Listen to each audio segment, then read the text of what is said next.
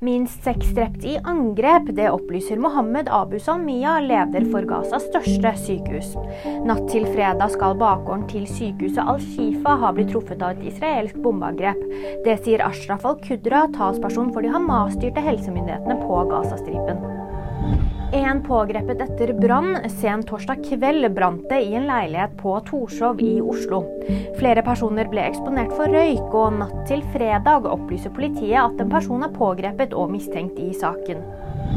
Disney utsetter flere storfilmer, bl.a. Deadpool, Captain America og Blade, for ny lanseringsdato. Dette skjer i kjølvannet av den store Hollywood-streiken som ble avsluttet torsdag.